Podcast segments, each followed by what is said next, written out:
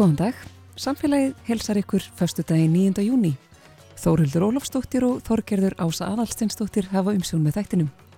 Framhald, framhaldsskólar landsins hafa útskrifað sitt fólk.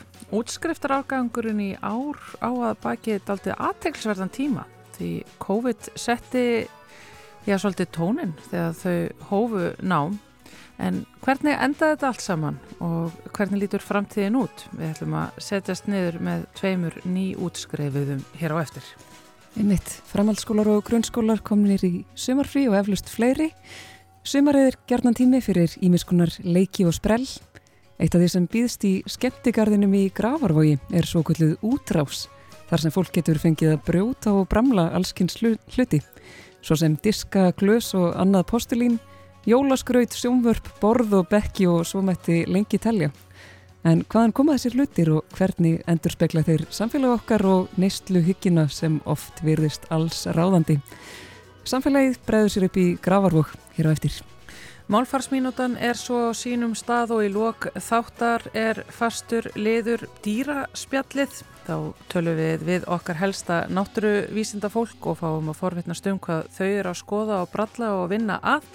Að þessu sinni er það Hildur Pétursdóttir sem er sérfræðingur á Hárandsóknastofnun sem segir okkur allt um sín störf sem hverfast hvað helst um svo kallað dýrasvif, missið ekki að því. En við byrjum á að tala við unga fólkið okkar.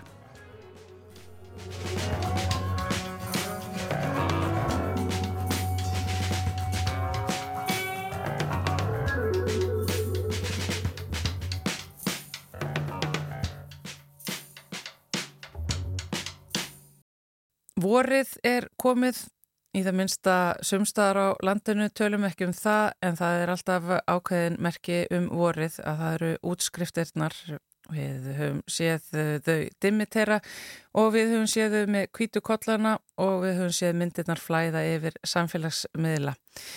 Útskriftir úr öllum skólum og við hér í samfélaginu höfum stundum haft þann háttin á að fá til okkar útskriftar nema úr framhálsskólanum. Þetta er ung fólk sem er að stíga inn í skemmtilega tíma, fullornas árin og að þessu sinni höfum við fengið til okkar tvö nýjútskrifuð. Þetta er annars vegar Erla Rúri Sigurjónsdóttir úr Flensborg og Egil Breki Skeving úr Borgarhólskóla. Sælverið þið bæðið tvö. Sæl. Sæl. Erla, þú ert búin að vera síðustu þrjú árin í Flensborg, eða ekki? Jú. Á hvaða braut varstu? Ég var á opinnubraut, ég byrjaði á hérna, félagsvísindabraut og mér langaði meira svona geta valið aðeins betur sjálf hvað ég myndi þess að taka. Þannig ég skipti yfir opnabraut. Opnabraut? Já. Og útskrifst það henni? Já. Og fóstu í Flensborg bara strax eftir útskrifstu grunnskóla? Já, ég gerði það. Fór bara valdi strax á fyrsta val. Já, og þannig að þetta hafa verið þrjú ár og þú ert 19 ára í dag? Já. Til að hafa mikið með útskriftuna? Já, takk fyrir. Eil Bryggi, mér skilst að þinn e, svona framháskólaferill hafi verið aðeins öðruvísi? Já, hann var það, aðeins lengri, en hún er með loki núna. Já, já. Uh, ég byrjaði hérna þegar ég var 17 ára, ég er 23 ára í dag, eða núna, og hérna byrjaði ég hérna í, í, í fjölbjörnsskólum við Álmúla á félagsfræðibraut. Var ekki alveg fyrir mig, mér langaði meira á, á, listbraut, á listabraut. Þannig að ég tók smá pása að einhvern tíma og byrjaði svo aftur á leiklistabraut. Útskæðist það hann síðan. Í Borgó? Já. Já. Sko, hvað gerður í pásunni? Pásunni fór ég í líðskólan á Flateri fyrir vestan eh, sem að í rauninni kveikti svolítið aftur á, á allir þessum sem listamanni í mér Já. sem að ég týndi svolítið hann í FA eh, en hérna já, hann að þetta var svolítið svona pása með kannski með pása en ég var alveg að gera fullt sko Já, já, en þetta er svona búið að vera emmitt aðeins lengri tími sem þú setti í framhanskóla árin heldur en kannski jafnaldraðinir Já, já Þannig að hér höfum við tvo útskriftarnema, eh, annars vegar Erlu sem að fer þessa hefbutuleg tekur þetta á þremur árum og Egil Breka sem að hérna, tekur þetta aðeins fleira árum og hef, já, varst aðeins svona leitandi þannig í byrjun. En ertu sáttur með hérna, þínu útskrift núna á leiklistabrautinni í Borgó? Já, nei, já, ég er mjög sáttur. Um, Gæti ekki að einhvern veginn bara verið sáttari með það sko. Þegar ég kom inn í Borgó, tókum mér opnum örmum hana og bara kláraði þá á þreymir árum Já. því tóks allan skólan reyni aftur um, en hérna alveg sverði Já, þetta er svona lending Já. Já.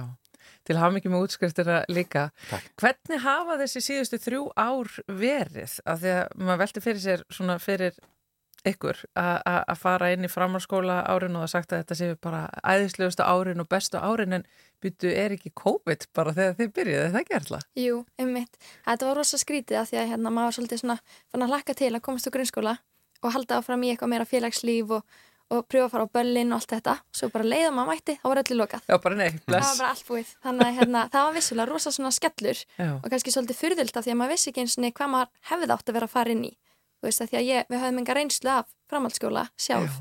Þannig að þetta var bara okkar fyrsta reynsla. Og hérna rosa fyrðilegt einmitt að vera bara heima og ekki kynast neinum og svona. Og tók alveg svona ég í rauninni finnst, mér finnst ég bara að verið í tvö ári framhaldsskóla. Að því að ég fór bara að kynast kennurum og nefendum á mínu öðru ári. Æ. þegar ég fór að mæta aftur, já Þannig að það var svona, þetta var svolítið stitt, þetta var kvætt að þetta fínu. Já, það var yfir þannig. Og var það líka þannig? Veist, hvernig lærum að leik, leiklist til dæmis heima, heima frá sér bara í fjarnámi? Einmitt, ég fór í söngtíma á Zoom og hérna síðan mætti ég skólan og, og við vorum alltaf með hanska og grímur til þess að geta snerst, skilju, og bara sem er alveg galið og maður sé í leikusunum, fólk verður notað svona skildi fyrir, fyrir framann andlitið sitt til þess að geta verið saman, sko. En þau fundu leið, þau fundu alltaf leið, sko, til, a, til að hafa tíma til að maður gæti mætt og zoom og það var leiklistatími og maður var heima eða ekki og tek bara hattin ofan fyrir þeim sko öllum kennunum. Já, þetta var alveg magnaður og skrítin tími og sérstaklega núna þegar maður horfður tilbaka en haldið þið að hann hafi haft neikvað áhrif á einhverja jafnaldra ekkar og, og skólafélaga? Já, ég held klárlega að þetta hafi haft mm. neikvað áhrif og sérstaklega kannski svona fyrir þá sem voru ekki alveg mitt vissir, vissi ekki alveg hvað er ætlað að stíga inn í, Já. að það bara það tók ekkit á mótið veist, þeir bara voru áfram heima, fóru bara heim ja. og hérna, en mér finnst samt eins og þú ert að segja með skólana að þeir held ég flestir gerðu bara sitt besta ja. og reyndu að hafa bara eins mikið utanum hald og eins og mér allavega var það kennararnir voru rosa duglegir að bara bjóða okkur að senda alltaf á það og vera til staður og svona, þannig ég var allavega rosa sátt með það, þeir gerðu það besta í stöðinni mm. en vissulega er mjög erfitt fyrir marga Já, mm. En eins og til dæmis fyrir þig eitthvað því að þú áttir þarna, varst svona leitandi fyrst þegar þú byrjaðir 17 ára ef það hefði verið á COVID-tímum hefði það alveg tekið allt úr þér bara?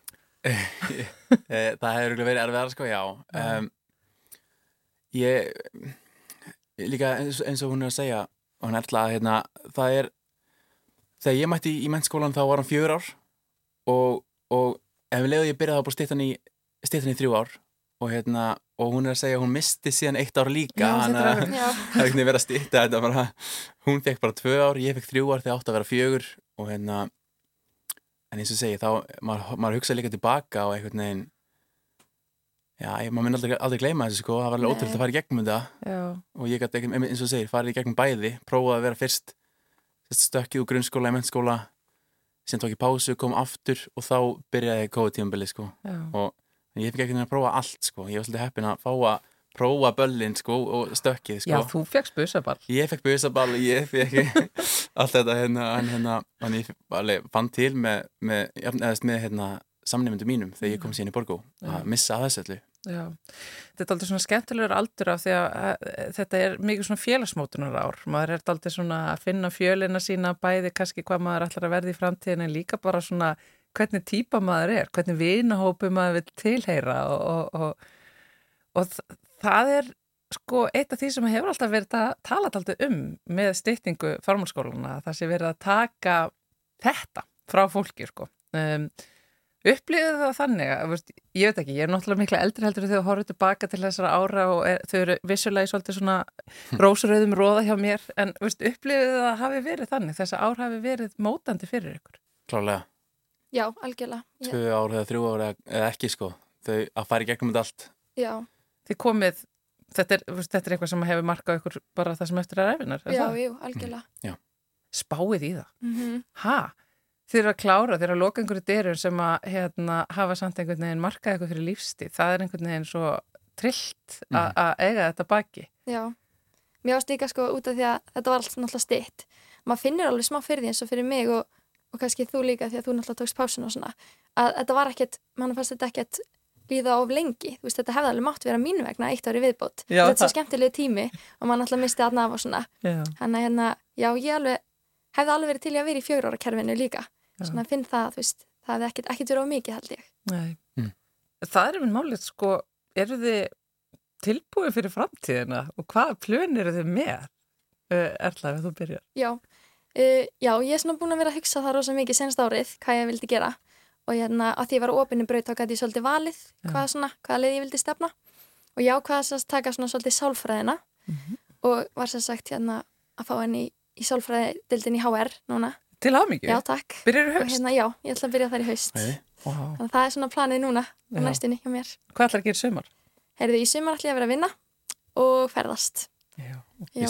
að að. Egil, hvað, hvað er framtíðapljónið á þér? Ég hef búin að fá tíma til að hugsa svolítið lengi sko, og, hérna, og eins og ég segi, ég gæt um leiðu ég byrjaði í náminu sem að mér langaði, mér langaði að klára student og ég fyrir á leiklistabraut þá gæti svolítið einhvern veginn strax undirbúið mig í það á meðan ég er að klára studentin þannig að mér, mér langar í leiklist og ég gæti einhvern veginn byrja grunninn með studentsprófi sem að hendaði mér og svo vel þannig að ég held ég stefnum það klálega og er búin að vilja það sína á 30 ára gamanlega og hérna e, það er bara næstu dagskrá. Bara klára sumarið og fara strax í indugupróf, loksins. Já, bara stóri draumurinn.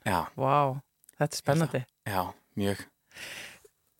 Það er stundum talað um eitthvað kynnslóð oft sagt að þessu þessu rosa uh, mikið viðkvæm og mikið seginett við ykkur og, og, og, hérna, og þessu rosalega upptökin eitthvað sjálfum og samfélagsmiðlarnir og þið upplýðu ykkur öll sem hvað er að kalla main characters, aðal personurnar og, og svona áhrifavaldar. Mm -hmm. en svo er líka lagt rosalega mikið á ykkar kynsluða því að það er líka pínulítið að ætlas til þess að þið rettið öllu uh, klúrinu sem við eldri kynsluðanir er að skilja ykkur eftir í, ekki eitthvað síst til dæmis í, í, í loftlagsmálum en það er líka bara breytur heimur og breyta atvinnulíf. Þið eru ekki að fara endilega að sinna störfunum sem að við þín eldri kynsluðan gerðu. Og svo muniði náttúrulega aldrei geta að flutta heimann heimann líka. Nei, ég veit ekki, hvernig, hvernig fíliði þessu orðræðu um ykkur og ykkar aldur og ykkar kynsluð Ég veit, ég held þessi tilbúin í það sko. Já, ég veri, held það. já, maður verður svolítið bara að vera jákvæðir fyrir framtíðin Nákvæmlega, já Annars er þetta svolítið, svolítið búið bara. Maður er búin að vera að heyra þetta svolítið lengi og hérna, við vitum alveg hvað við erum að gera sko Já, ég held það. Við vitum alveg hvað við erum að gera, hann er að við hérna að heyra þetta allt, maður er einhvern veginn hvað er að gera, maður, maður verður bara að horfa fram hjá þessu sko, við erum að fara, við erum að fara að taka, taka við Já. og hérna Æ, ég veit ekki, ég held að það sé alveg tilbúin í það. Já, ég held það og eins og núna þess í dag það er náttúrulega, þú veist, þó að sé neikvæð umræða um eins og loftlegsmál annað, þá er samt líka orðin svo mikið svona, þú veist, vilji fyrir bætingu mm -hmm. og ég held að það til dæmis eins og í skólanum og eins og í Flensborg þar er orðin hérna skildi áfangi sem allir nefndu skólans taka sem heitir umhverfisfræði og það er bara eiginlega verða að þú veist hjálpa okkur að sína okkur hvað við getum gert og hvernig best er að sagt, vinna á sem vanda. Þannig ég held að eins og með svoleiðist tólum þá séum við bara miklu undirbúinari í þetta Nókulega. Mhm. og svona, já, rosa gott kannski að kenna einmitt bara frá grunni mhm. hvernig við getum bætt okkur. Ég er samanlega. Það er margir áfangar sem að eru núna orðinir skildu áfangar sem að fyrir, fyrir hérna hver, hver einasta hver einustu braut á mér staðalið bara voða góð stefna Já. að láta alla færi gegnum að sama upp á, upp á framtíðan að gera bara Já. Ég hef allan verið að segja mér finnst hérna mjög gaman að heyra í eitthvað kynsluð einmitt út af þessu að þið eruð hérna, þið setjið svolítið hausin undir ykkur og eru tilbúin í þessa áskorun sem að eru framöndan og, og, og eruð rosalega jákvað og ég held að, að kannski einmitt líka erðlaða þegar þú ert að leiðin í sálfræðina það er e, það er mikið svona sjálfsvinna og sjálfsþekking Já. sem að þið hafið gert, ykkar kynsluð sem að hinnar eldri bara fóru mjög sent í eða hafi ekki enþá farið í. Ég er að tala til ykkar búmirar en það, þið, þið, þið eru það er mikið svona þið fylgist með ykkur sjálf, þið passið upp á helsuna ykkar, líkalega og andlega. Já. það gerði engin að eldri kynsluðin hérna áður fyrir kringum títugt það er allir mjög meðvitaðir sko. Já. sem mist mjög gott Já. og hérna og ég, ef ég tala fyrir mig þá er ég búin að fara í gegnum leiklist svo mikið það er allt um tilfinningar skiljur það er allt með, og sálfræðin ekki síst sko. Jú, þannig að við einhvern veginn og maður þarf ekkert endilega að læra sálfræði að leiklist til þess að til þess að vita þetta eða, eða þú veist, hugsa um sjálfa sig Þetta er bara andrusloftið kringum ykkur sko. það er að tala um sjálfa sig og Já. það er bara, held ég að mörguleiti mjög gott sko. Já, Já, það er svona meiri kannski svona bara vitundavakning og, mm -hmm. og svona meðvitaðir bara hugsanaháttur um þetta held ég Já, Ég er alveg til í þannig samfélagi í framtíðinu þegar þið farið að breyta kerfunum eftir þessu sko. Já, það er ég. Ég er mjög til í það. Ég hlakka bara mjög til almennt e, fyrir ykkur og veist, það er frábært að fá að setja þetta niður með ykkur og spjalla við ykkur og gaman að heyra af því hvernig þetta hefur gengið allt saman og ég hlakka til þess að sjá okkur í framtíðinni. Kanski setjast í stólinu á þér í góðan salfræði tíma og horfa á þig á sveiði. Erla Rúri Sigurjónsdóttir, útskriftar nemi úr Flensborg, Eilbreki, Skeving, Borgarhólsskóla, útskriftar nemi. Takk hella fyrir kominni í samfélagi. Takk fyrir mig. Takk fyrir.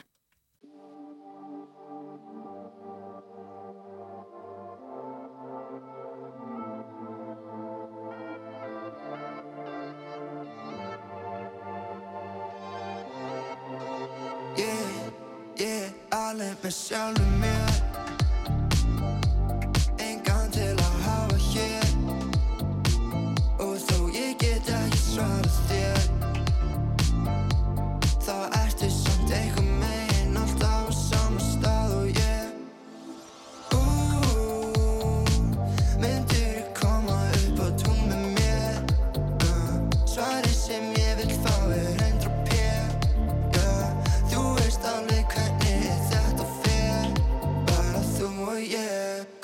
Hvernig þú horfir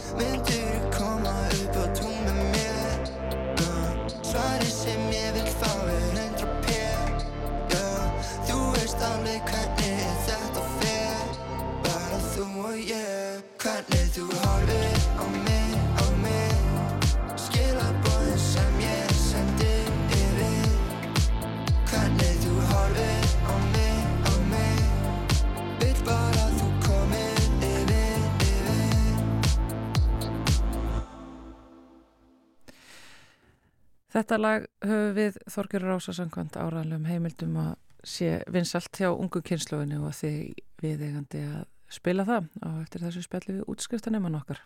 Já, þetta voru Fridrik Dór og Daníl með lagið A-Leit. En við ætlum að bregða okkur næst upp í Gravarvók.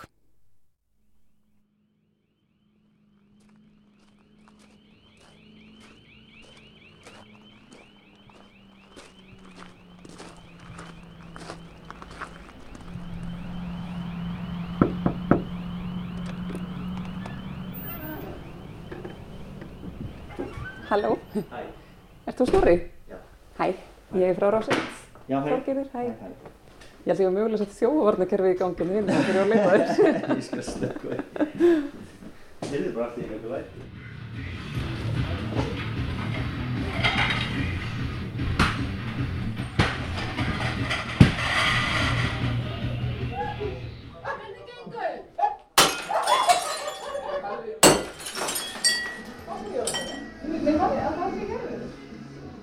Ég heiti Snorra Helgarsson og ég er framkvæmdastöður skemmtingarsins í Grái og þetta er útrásinn.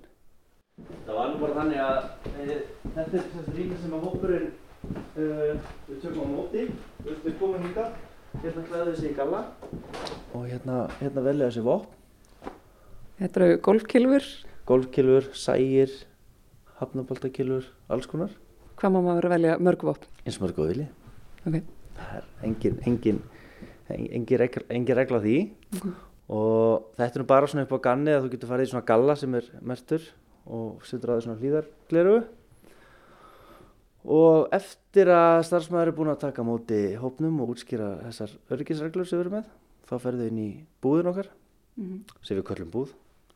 Og það er bara fullur gámur af alls konar dóti diskum og glösum og borðum og stólum. Og þú velur bara það sem þú vilt brjóta svo ferðu bara inn í rýmið. Ert með tónlist, setur tónlistin í gang og spila bara eitthvað eitthvað rögl og svo byrjar það bara að brjóta á brómla sko. Þetta er svona gámur heila. Já, við bara reynum allt sem við gerum hérna í skemmtikarna þá reynum við að gera ódýrt og nýta eitthvað sem er gamalt. Og ef það er nýtt þá látum við að líti út til að vera gamalt.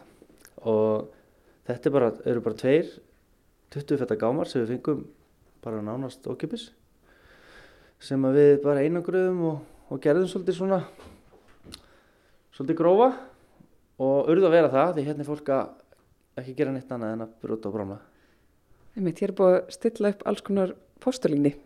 Já, það er svona kannski það sem fólki er skemmtilegast að brjóta, mestu lætin út og kasta í þetta og kasta þessu í veggi og loft og þá reynum á kasti allt nema í gott annan sko. Mm. Það er eiginlega eina reglan. Og eins og þú sér hérna, þú sér hvað er gamla jólarsveina stittur og, og já, reynir bara hvað sem er sko.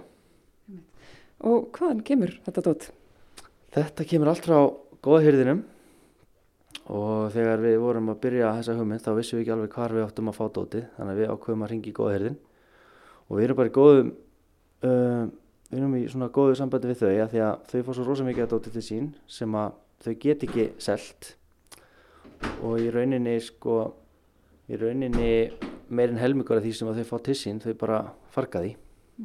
Og þannig að við erum svona að gefa þeim kannski aðeins lengri líftíma þessu, þessu, dóti. Þannig að við förum til þeirra reglulega og sækjum það sem þau eru búin að reyna að selja. Þannig að þetta er eitthvað sem er búið að vera sölu hjá þeim og hafa ekki náðu að selja. Þannig að þá fáum við að taka þetta. Við leiðum fólki að rústa þessu og svo flokkum við þetta í, í, í rétta gáma. Einmitt. Það er örgulega mörgum finnst, sem finnst þetta ræðileg sóun að, að vera að eigðilegja hluti en þarna er komin svona ákveðin réttlæting. Akkurat, þegar þú útskýrið þessa hlið þá áttar fólk sig á sig sko. En það heldur náttúrulega fyrst bara hvað eru, akkur eru eðilega þessu heilu diska og þessar stittur og, og, og fólk lítur á þetta sem svaka spreð, en það er það ekki. Já, allavega ekki fyrst á hvort er að henda þessu. Nei, ég er að segja það. Þetta er bara leiðin í haugana sko. Já. Ef að örlögin væri hvort er svo að þetta væri mögli niður og færi eitthvað svona jarðiðsgerð. Já, það sem þetta er. Á, já. á meðan endurvinnslan á postulínu og gleri er ekki betri en hún er. Akkurat, akkurat. Hvernig kom þessi hugmynd til þín?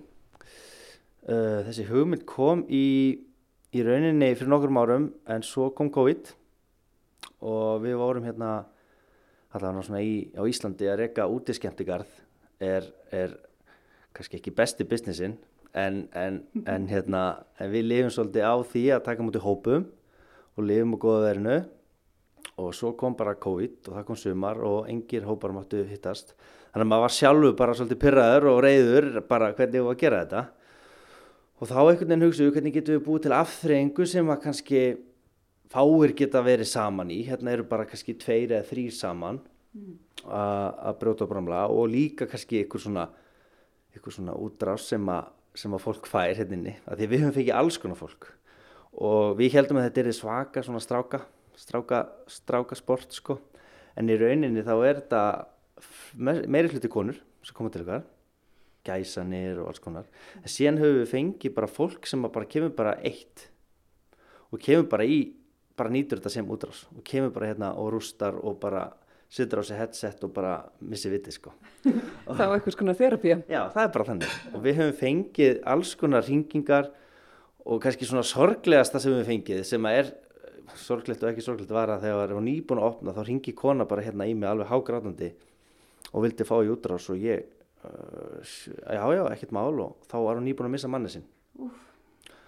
Og hún þurfti bara að fá þessa útrás. Og, og ekkert mál við tókum á mótinni og gáum henni bara sitt space og hún kom bara endunar tilbaka og þetta, hún sagði að þetta var eitthvað sem að hún þurfti á að halda. Þannig að þannig ég held að þetta er náttúrulega bara fyrst og fremst hugsa sem bara leikur og fjör og skemmtun. En ég held að þetta samt gefi mönnum svona á konum aðeins meira heldur en bara heldur en bara eitthvað hópöfli sko. Og, og þetta er þá í rauninni einstakt hér á landi, veistu til þess að þetta sé til annar staðar? Nei, ekki hér, ég veit ekki að þetta sé til hérna á Íslandi sko. En þetta er til út í heimi. Ertu til í að ganga þess með mér um rýmið og sína mér hvað fleira er Já, bóði, áður en að þessu verður rústað? já, og kíkjum á það Við byrjum á rústa Já. En sko, svo er líka partur af þessu að þetta er náttúrulega bara fjör og stemming, þannig að hérna inni eru til dæmis myndavelar, öryggismyndavelar og náttúrulega bæði bara út á öryggi, en svo er þetta líka þannig að, þetta, að þú getur keift þetta myndband og þú getur farið með þetta myndband til dæmis fyrir að það eru gæsanir eða stekjanir, þá getur stekkurinn farið hérna inn og, og farið í einhverjum kannubúning og rústað og svo verður myndbandi sínt í, í brúkasveislinni. Það er mjög vinsælt. En hérna eru bara diskar og glös og stittur og eitthvað alls konar dót. Það er ekki mikið á húsgögnum hérna en ég ætla að sína þér inni þarna þar sem að við geymum allt dótið. Hefur eitthvað maður lendið því að eitthvað býður um að fá að eiga hlut? Já, já, mjög oft. Ha, ha, bara guð velkomið, ef maður vill það. Þetta er tölvu og eitthvað. Já, hér er gömul fartölvu. Hérna er gömul fartölva, meira jóladót, eitthvað skápur og já, það er rauninni... En þessi rafmakstabla þarna út í hóðni. Nei, þe- þetta er sko, það var, það var sko svona hilla þarna í kring sem við reyndum að styrkja og þannig að það átti ekki að rústa öryggistöflunni, eða rammastöflunni, en það, var, það er búið að því. Þannig að við þurfum að taka sérstakka öryggistöfi hér að það má ekki lemja í rammastöfluna, Nei.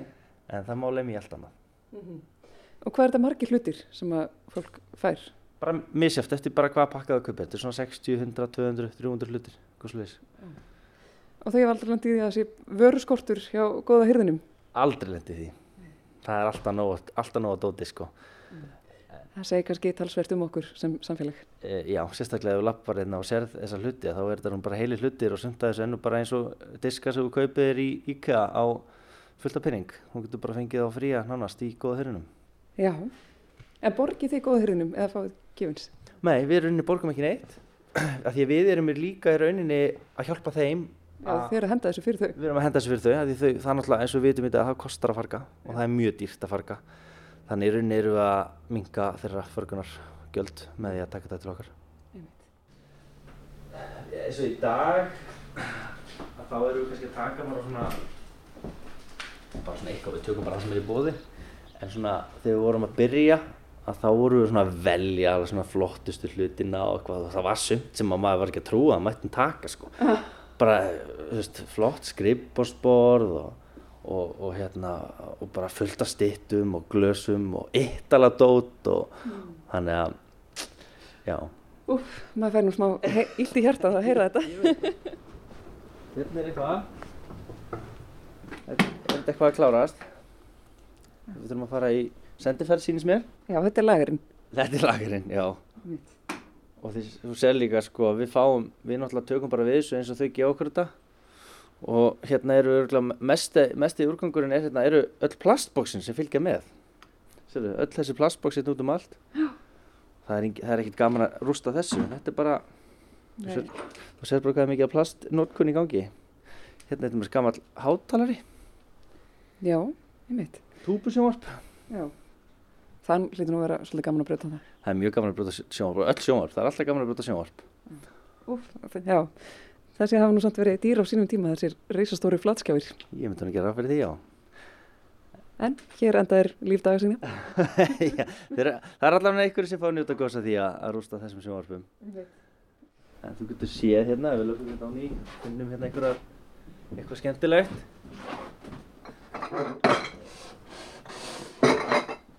Það er endalust á postulíni. Ég kipti mér nú bara svona um daginn heim til mín. Einmitt, svona glerflösku. Glerflösku. Já, þetta er svona tilvalið til þess að geima kombútsa í. Já, kombucha, já, einmitt. Nóa jólaskröti. Herri, þetta er nú mjög fallegu bolli með lóu. Örgulega handgerður. Svo er eitt eh, hérna, sem við lendum í en daginn og þá fórum við að sækja og við fengum svona bala full af einhverju sparistelli og það var greinilega örgulega eldri kona, eldri maður sem var búin að pakka þessu sómasamlega í kassa, búin að setja serviett undir hvert disk og hvert, hvert bolla, rosalega flott stel Já. og reynda að selja greinilega í góðherðinu, hefur ekki gengið. Svo hafa fengið einhverjir, einhverjir úlingar eða einhver stekkur fengið sína útrás á þessu heimagera steli sem hún var búin að mála á hvern einasta bolla. Ég er ekki viss um að við getum útvarpað þessu. Þetta er ofræðilegt. Þetta er alls konar þetta. Vá, flottur tekitill. Þetta er ekki slæmt. Súkulaði kanna með rosa minstri. 750 krónur í góða herinum. Já. Já, hérna. Þannig að, hérna. Kos, Costco jólaskraut, jólakúlur. Já, eru það gleri? Nei, úrslú plasti. Mm. Það er þetta að rústa öllu, skal ég segja þér. Það þarf ekki alltaf að vera úr gleri. Ef viljin er fyrir hendi? Ef viljin er fyrir hendi, þá er þetta ekkert mál. Hérna, hérna eru til dæmis gamli skápar bara á skrifstofunni okkar og vorum að endur nýja, þannig að við vildum ekki farga þeim, þá fórum við bara með það hinga út og svona. Og það er líka mjög gott að því í skemmtingarinu þá náttúrulega erum við mikið að dóti og við erum að farga rosa mikið að dóti bara alls konar. Að ef það er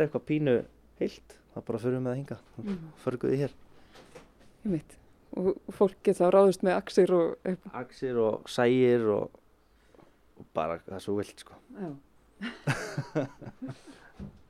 oh, já, ég átti nú svona bangsastýttur þegar ég var lítil. Bangsastýttur og gleri, opbóðslega sætur. já, en ég held að séu fæstir að spá því eitthvað sé sætt hér, þeir vilja bara brjóta. Já, já, hér býða þær aftöku. Já, þær býða aftöku hér. en þetta, ég, við mælum þessu fyrir alla að prófa þetta. Þetta er sko, ég fekk mömmu mína til þess að prófa þetta. Já. Og gat hún hugsa sér? Nei, hún gat nefnilega ekki hugsa sér að fara að eðilegja disk og glös og eitthvað. En, en hún gerði það samt og, og hún vildi nú ekki viðkynna henni að finnst þetta gaman en ég sá það nú að glottin á henni henni fannst þetta nú lúm skemmtilegt þannig að ég spurði hann hvort ég mætti ekki taka eitthvað svona gamalt dót sem maður mátti ekki brjóta þegar maður var lítill heima -hmm. sem hefur komið nýri geimslu sko. hvort maður mætti ekki koma með að hinga það hún held nú ekki sko þannig að við býðum bara eftir að fara með það í góða hyrðin og sækja það Þau kannski losaði um eitthvað svona skuggarliðar á henni sem hún... Já, ég meina, eigi ekki allir eitthvað svona eina stittu hjá ömmu eða eitthvað svona sem að í dag maður væri til í að kannski missa í gólu. Mögulega, kannski margir sem að sitja upp með dót sem að þeir vil, myndu kannski vilja losna við en geta ekki vegna þess að það hefur tilfinningalegt gildi eða tilfinningalegt gildi sem einhver annar er búin að varpa yfir á því. Já, ég held að, menn, ég held að við mannfólki séum bara ég held að það sé sko að opna alla bílskúra á Íslandi þá er ekki eitt bílinn í bílskúr. Það, hann er bara fullur að drasli. Og ég held bara við eigum bara allt og mikið að dóti. Já. ég held að það sé niðursta okkar í þessu. Og serða bara. Og, veist, góðu hyrðirinn er raunin að gefa dót. Og fólk veit ekki einu svona hyrða það sko. Nei, nei. það vil freka að kaupa nákvæmlega eins dót nema bara nýtt Já, ég er inn og kaupa mest notað en ég finna að ég á mjög erfitt með að henda og þetta flækist ábúrslega fyrir mér sko hvert og líka þetta með endurvinnsluna og endurnýtinguna og allt svo leiðis og jáfnvel þetta er mjög öfugsnúin hugsunarháttur sem ég hugsaði að nei það betra að ég geimi þetta Já. á háaloftunum hjá mér. Einmitt. Já, sem er það betra, ég veit það ekki. Nei, ég er ekki viss um að. Nei, ég er ekki viss um að heldur sko. Þannig þá endur þetta alltaf svona, einhvern veginn, bara, en við þurfum að gera eitthvað við þetta dót, ég meina, ég er ekkert að segja að þetta sé besta lausnin að fara bara að rústa því, en ef það á að farga því, þá er náttúrulega alveg skott að nýta, nýta eitthvað, en, en ég held svona, svona, þegar botnin er kvölda, þá er þetta bara alltaf mikið dót sem við erum að kaupa okkur. Já, einmitt. Takk hérlega fyrir spjallið, Snorri Helgarsson. Takk fyrir. Já, þetta er mjög skemmtilegt. Góð og drást. Já, það má segja það.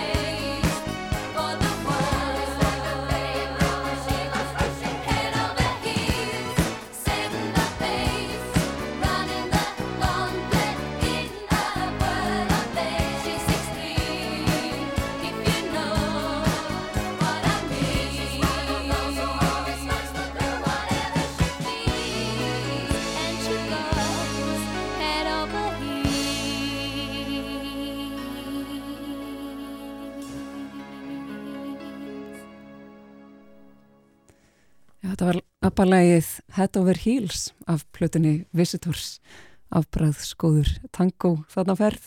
Eitt af mínum uppáhalds appalögum, ég segi eitt af að því að það að gera upp á milli appalega er örglega eins og fyrir fólk sem á börn að gera upp á milli barnana sína. Já, ég held að það sé nokkuð rétt hjá þér, Þorgjörur. Hér á eftir ætlum við að renna í dýraspjall uh, en áðurna því kemur skulum við fá eins og eina málfalsmínútu.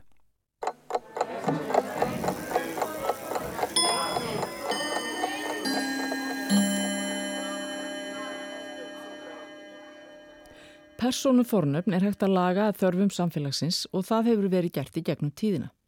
Þau eru því korki lokaður nýja óumbreytanlegur orðflokkur.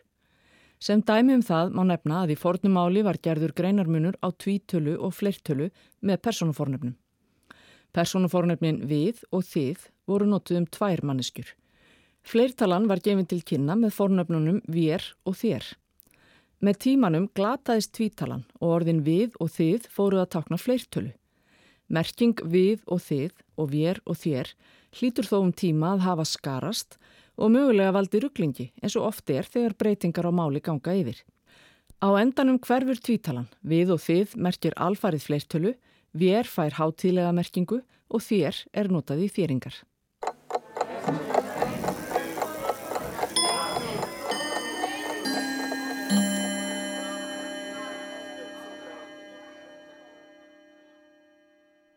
Og þá er komið að dýraspjallinu hjá okkur hér í samfélaginu, förstum lið þar sem við fáum að forvittnast um hvað okkar helsta náttúruvísinda fólk er að bralla og huga að í sínum störfum og fræðum. Í dag hjá okkur er Hildur Pétursdóttir sem er sérfræðingur hjá Havró. Sælverstu? Já, sæl. Þú ert nýkomin á sjónum, skils mér. Já, það er eitt ég nýkomin úr leðangri volleðangri sem við höfum farið álega núna í rúm 60 ár að, ska, að skoða svona umhverfið vistfræðina í sjónum kringu landið og hérna við vorum, fórum með að mæ og komum lók mæ. Hvað eru það að gera? Parið það, siglið þá bara ringið í kringu landið og, og, og, og fleið út netti og völda stuð? Já, ég lægt að segja það, en það er sem sagt við erum með först snýð, kvöldu við það. Það eru nokkar stöðar hvernig sniðum, þetta er heiltina minnir um 80 stöðar, mm. rúmlega 80 stöðar og sem við heimsækjum og við semst fórum réttsalis kringu landið og tókum sínit, skoðum ástandsjávar, hitt og seltu, plöntusvið og svo dýrasvið sem er svona mitt svið og þá skoðum við límassan og, og tökum sínit til tegundagreininga og, og verum einnig að kíkja bergmálið, skoða ljósótu og, og svo er ímislegt annað gert svona tilfallandi í þessu lefangrum og fórum sem sagt réttsalis. Hvað, hvað er þetta langutúr? Hann tók núna með minni tól daga. Þetta er svona mismönd eftir veðri og hvort það sé aukaverkefni. Stundum verið að gera fyrir aðrar hjálpaðurumstofnunum, henda út bauðum, taka upp eitthvað Já. og líka eins og segja eftir veðri. Ég spurt, spurt marga kollega eitthvað að þessu sem að fara í, í þessa rannsóknatúra uh, mm. hvort þetta sé gaman og þú náttúrulega sleppur ekki undan þeirri spurningu er þetta, er þetta skemmtilegur hluti starfsins eða, eða leiðilegt? Já, þetta er, þetta er mikil tilbyrting frá skrifstofunni og yfirleitt mjög gaman Já. það er gaman að maður er alltaf að sjá eitthvað nýtt og hérna maður er í góðum hópi og eina svona sem maður kannski það er leiðilegt beður það hérna, getur skemmt mikið fyrir Já. það gemur sjóviki á fólki og erfitt að taka síni stundum bara ekki hægt að taka síni Er eitthvað hægt að vinna rannsóknstörfi í bræði? Það getur verið mjög erfitt. Það fær náttúrulega alveg eftir hvað maður gera eins og við með netin okkar þegar við erum að taka dýrasið, við erum með viðkvæm net og þau getur ekki verið að sveiblast út um allt sko þannig að það er, það, við getum ekki alltaf sett út. Mm. Þannig að hana, það er ekki alltaf hægt og það er ekki alltaf að skoði vísjána og tegundagreina og hana, þannig að þá þurfum við ofta að gera bara hlýjasmá. Já og hérna halda áfram síðar. Um, þannig að einmitt, ef það er gott viður og þá er gaman. Þá er gaman, það Já. er eiginlega undatenningalust að segja það. Já, en heldur þú einmitt ert að segja þarna að þitt sérfræðisvið er e, dýrasviðið og, og, og þú verður eiginlega bara að byrja að byrja, hvað er það? Já, Já dýrasviðið, það er eiginlega að segja þetta er oft skilgreint, þetta er þessar smáar lífurur mm. sem að lifa í efstulögun sjávar og það er svona geta lítið sem ekki treft sig, það berast of með ströymum og hérna þetta er mjög fjölbryttur hópur. Og það er hægt að segja, ég held að það sé næstu því tegundir í því úr öllum dýrafylkingum. Mm. og hérna og því við oftur hefur skipt upp í heilsvif, það er eftir hvað lengi eh, hvað í rauninni langt uh, af æfinni það eða í svifinu, það er heilsvif þá er all, all, allir lífsverðlinni í svifinu, það er eins og krabbaflærnar og ljósatur og svo líka tala um hlutasvif það er eins og til dæmis uh, fiskegg, fisklirfur, krabbalirfur það eru oft hlut æfiskeisins í svifinu og svo fara kannski dýbra eða eitthvað. Já, en, en þetta, er, þetta er þá alla jafn ekki eitthvað sem maður sér með berum augum eða? Ég sko hlut af því, sumt getur ekki sér með berum augum en, en til dæmis algengustu uh, hópanir í Norðurhöfum, mm. svona mikilvægust í rauninni, það er hægt að segja að krabbaflóm eru krabbaflær, Já. Að krabbadýramæfi eru krabbaflær annars vegar og ljósatur hins vegar. Og krabba dýrin, þeir eru oft til, kannski getur verið svona alveg upp í fjóra millimetra á stærð. Og ljósatnundur eru miklu stærri, þær eru 25 til 45 millimetrar. Og að krabba flónum, þessu minni, þá er lang algengasta tegundin hérna er rauðóttan sem að kannski margir hafa hýrt um. Já, við vitum að hún er mikilvæg. Hún er mjög mikilvæg. hún er alveg, en það getur verið 2-4 mm full vaksin. Já, hún er svona stór. Já, hún er svona eins og rískurjón. Við hefum ofti það. Þa, þannig að þegar þú ert að setja út þessi hérna, svifnet þegar þú ert í þessum rannsóknulegum, ég meina hvað eru þá að fá margar tegundir af svifi um borða? Að þetta hljómar eins og þetta Já. sé svo vitt og breytt svif, bæði eitthvað sem þú sérð og svo þegar þú sérð ekki. Og... Akkurat. Sko það sem við erum að fá, eða við Ísland hafa að krabbaflóm, það hafa fundist um, yfir hundra tegundir að krabbaflóm wow. og við séum ekki alltaf að fá það í netið akkurat.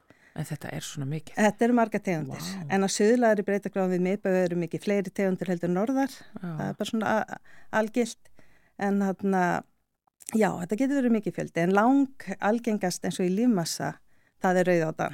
Í þessu netu sem við erum að nota, þegar við erum að nota að kallast VAFP2 háfur. Já til að í rauninni veiða er einn að ná milli átunni, milli starð af átu. Og hérna þar er að rauðátan algengust. Uh -huh.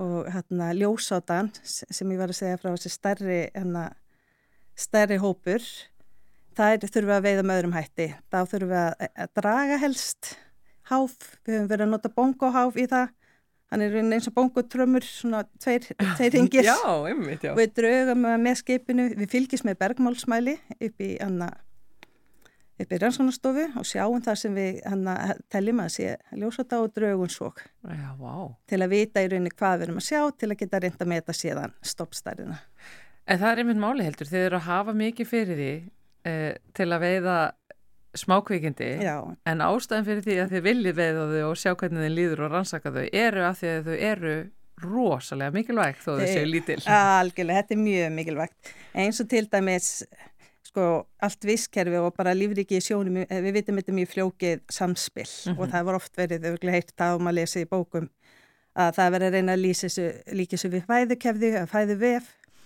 það sem að frumframlegundirnir eh, þeir sem að búa til e, sem ljóstilifa, það eru þörungarnir mm -hmm.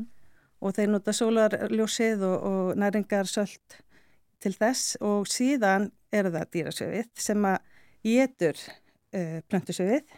Það er í rauninni flest dýrasöfið græsætur. Mm -hmm. Þannig þau eru að flytja, dýrasöfið eru að flytja þessu orgu frá plöntusöfinni til lífvera á herri fæðaþröpum. Eins og til dæmis fiska og fisklirfa og hérna og til dæmis eh, kvalir, það, það er eins og skýðiskvalir en helsta eða mjög mikilvæg fæði af þeim það eru þessar litli ljósótur og þetta er svona stæstu lífur í jarðar þannig að þetta átan er mjög mikilvæg.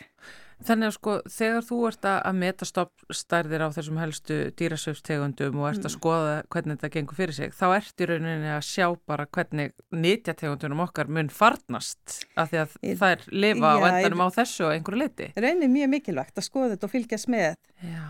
og eins og við hefum gert í þessum leðangur sem ég var að segja fyrir áðan eins og ég nýtt komin úr þar sem við höfum búin að vera skoðið yfir 60 ár, þá getum við fylgst með breytingum, hvað, hvort það sé breytingar hérna meðan beðið við hýta eða aðrar umhverfisbreytur.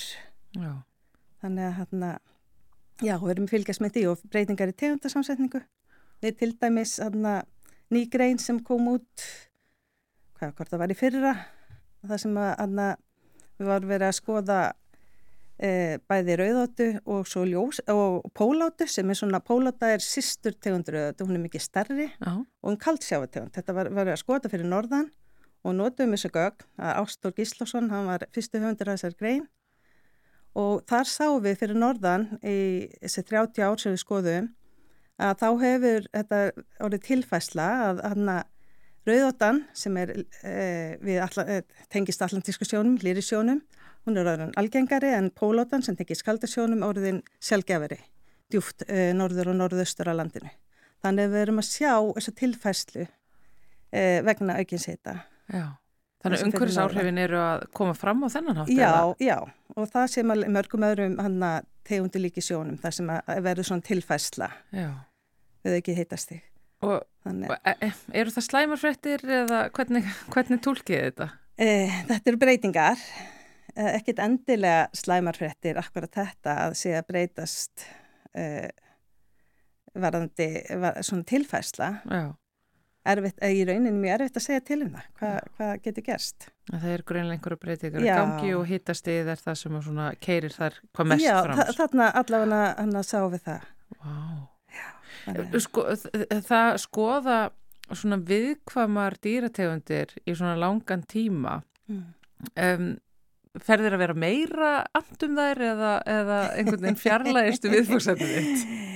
Það, það skrítir, maður tekir alltaf væntum þær og það, það er alltaf já. gaman að sjá þar og sérstaklega einmitt einmitt að þegar maður er út að sjó, þegar maður sér það svo ferskar og, og, og fallegar annað en það er búið að geima, dýrin í geimslu vögva en hérna, jú, það er gott að, og maður vill náttúrulega sé sem hann að sé ekkit ómikla breytingar. Nei. en maður það er erfitt og hérna og við vitum að það er mikið aðeins núna í sjónum að til dæmis uh, árlegur eða, eða lí, heildar lífmassi rauðáttu innan íslensku fiskveiði í lagsögunar hefur verið meitinn 7 miljónur tonna, þetta er alveg gríðalegt magn og heildar lífmassi ljósatnunar um 5 miljónur tonna Þannig að þetta er mjög mikið. Já, og bara mjög mikilvægt. Mjög mikilvægt að það þarf að vera nóg. Þess vegna það líka passa og það nú er alltaf líka áhuga og er verið að skoða nýtingu. Já, já. Þannig að hana, það þarf að stíga mjög varlega til jarðar. Hana, já, þetta er ekki, um já, þetta er ekki endalus öðlind þó þetta sé vissulega öðlind og við séum mjög ríkafinni. Nákvæmlega, það þarf að fara varlega í þessu öllu. Já. Já, þannig að þú ert svona pínu að passa þínar. Já, ma maður þarf að gera það. Sko, maður ma gleymið náttúrulega oft að þegar dýr eru svona lítil, þessi svifdýr eins og bara til dæmis þessi krabbadýr, pínu lítil, mm -hmm. að þau eru falleg líka og þetta eru svo magnaða lífurur að, að sjá ef maður skoður þetta undir smá sjá, sko. Það er mikið rétt, þau eru alveg hana, mjög falleg og marg breytileg. Þetta er hérna alls konar form og, og hérna og meðal annars sem tilheyri sveifinu sem að hann að gleymist að það eru til dæmis margleitur, hveljur. Það gríð, getur verið gríðastóð það er svona stæsti, stæstu dýrin. Já, getur alveg hann að Það er náttúrulega til, hefur alltaf tilfallegri dýr sko að horfa á sko, hvernig að svífa um og, og þessu svo fullkomlega hannaðar fyrir hafið. Algjörlega, mann finnst það mjög fallegar. Já. En dýrasvifið er samt oft, það er í efrilegu sjávar, það er oft svolítið litlust. Já því að þarna, það er bara aðlaða sig að því að það sennil, sennilega er það hana heppilegra fyrir það já. að sé, sést síður það sé gagsætt, já já, já, mitt, það er svona ofalega Já, sko verandi í þessu sérsviði eh, er þú þá manneskan sem að sérfræðingarnir og kollegaðinir og hafró sem eru í starri fiskunum, nýtja fiskunum okkar sérhæfið sig því, talaðu við þig til þess að vita hvað þeirra dýr komið til með að fá mikið í matin á næstunni? Við vinnum alltaf mikið saman. Við, erum, við erum fleiri að skoða átina og hérna, hérna en jú, það er líka að tala við mig. Já. og hérna við erum líka að skoða, við erum líka að skoða hvað þið er að hérna borða. Ég hef verið að skoða og við e, svona fæðist tengsli upp sjánum Já. hvað uppsjáfa fiskarnir og, og hérna, já, er að borða við til dæmis núna með verkefni þess að við verum að skoða fæðu lónu, fæðu vistfræði lónu, uh, norður á landinu. Og við erum að, hérna, markmið, eða við erum svona að bera sama við það sem hún var að borða áður og hvað, hvað, hvort það sé einhver breyting. Því að, hérna, það auðvitað mikla breytingar upp úr 2000 á fæðugöngum lónunar hún færði sig vestar, hún var norður af, í rauninni göngurna voru norður af Íslandi, Íslands hafi Já. og svo færði hún sig upp úr tvöst vestar og norðurunni, nærgrænlandi. Mm -hmm. Þannig að við erum að skoða núna, nú hann að hvort að hafa árið eitthvað breytingar og við erum að nota aðferði, við erum bæði að skoða magainihald. Það er svona þessi hefbundna aðferð, uh -huh. þá sjáum við bara nákvæmlega hvað hún var að borða, þetta er bara það sem var í síðustu máltíð en svo aðferð, hún er mjög góð en, en það er samt alltaf einhverju gallar til dæmis meldast vefir misrætt. Þannig við gætum verið að vanmeta eitthvað. Já. og svo líka það að við erum bara að sjá síðustu máltíð það, það þýðir ekkit að þetta sé akkurat að mikilvægasta. Þannig við erum líka, líka beita lífnafræðilegri aðferð sem er að við skoðum stöðu á samsætur kólefnis og köpnunarefnis í vefjónum og þessi aðferð hún er ekki eins nákvæm en hún gefur okkur svona lengri sögu. Við sjáum á hvað fæðutreypi lífeyrunar er í og gefur okkur lengri sögu þannig að saman erum við komið með mjög sterka aðferð Já. til að meta fæðina. Og þar getið þá komist betur að leintatómum loðnunar Já, sko, sem eru tölu verði. Já, við vonum að þetta verði allavega einhver partur af því að skoða hvað hva hefur verið að gerast. Já. Hildur, það að vera sérfræðingur í dýra áttu, þetta er mikil auðlind, afskaplega mikilvæg, undirstaða eh, hafsins og, og lífríkisins mhm. -huh. þar og þar að leiðandi náttúrulega undirstaða okkar helstu atunugreinar og þú talar um að við þurfum að fara varlega í það hvernig við nýtum þetta og hvort uh -huh. við nýtum þetta ja. og þetta er eh, augljóslega að verða fyrir einhverjum áhrifum eh, vegna breyts loft, loftslags. Ja. Þú lítur tilbaka og lítur svona fram á við ætlar að vera áfram í þessu uh, skoða þessa vinniðina og fylgjast með þeim og, og svona fylgja þeim bara, bara fræðistarfið til enda. Já, ég, ég ætla að vera áfram að skoða það. Það er, alveg, það er mjög margt sem hættar að skoða betur og, og við þurfum að meta stoppstærðina betur líka. Nú er til dæmis að það er áhugi fyrir að nýta eins og rauðóttu, það eru leiði fyrir tilruna veiðum mm -hmm. uh, á rauðóttu fyrir sunnan og þá er náttúrulega ofsalega mikilvægt að hana, þegar, þegar hún er veita það kom ekki, sé ekki meðabli, sé ekki viðkvæmt eins og egg eða fisklerfur, hún þarf að vera alveg hrein mm -hmm. og hana, það er líka mikilvægt að sé ekki tekið á mikið og ég veit að normenn, þeir, ég held að það sé eina þjóðun sem hana, hefur gefið út kvóta og, og það var greiðilega mikið vinna hjá sérfræðingum að þar áður en þetta þetta leifi var veitt til að meta stopnin og meðabla og, og, og þess að það sko. En er, hvernig er hún svo nýtt? Er hún í manneldi eða? Það er, já, hún það hefur verið gerða svona, hvað segir maður, mjög flottar rauðu töflur, það er mikið hana omega-fittsýrum í þessu. Þannig að það, það er dýrafurð og þetta er mjög dýrt. Þannig að þetta er eins og í Nóri það er ekki full nýttur kvótin held ég. Já. Því að hana, þetta er dýrafurð og það er dýrt að vinna hana og hérna þannig að þetta er allt svona á tilurna stíi held ég. Já, já. en þetta, þetta gæti alveg verið samt eitthvað sem hann kemur til með að verða þannig að hann Og þú já, vilt fylgjast með því? Fylgjast með því. Og svo, svo er ljósatan líka verið nýtt í gegnum tíðina eins og í Suður Ísafani þannig að, hana, og normenn líka já, þeir hafa verið með tilurna veðar og henni líka þannig að, þannig að þetta þarf alltaf að passa. Já Þetta þarf að passa og þú sérðum það. Hildur Péturstóttir, takk kærlega fyrir að koma hérna til okkar í, í dýraspjallið og segja okkur frá þínum félögum, dýrasviminu. Takk. takk fyrir að bjóða mér. og með þessu spjalli, dýraspjalli, líkur samfélaginu í dag og ekki bara í dag heldur eh, þessa vikuna. Það er jú förstu dagur og helgin framöndan. Við Þórildur og Þorgerður þökkum sam, samveruna í dag. Já, við verðum hér aftur um, á sama tíma klukkan eitt á mánudaginn. Þanga til, veriði sæl.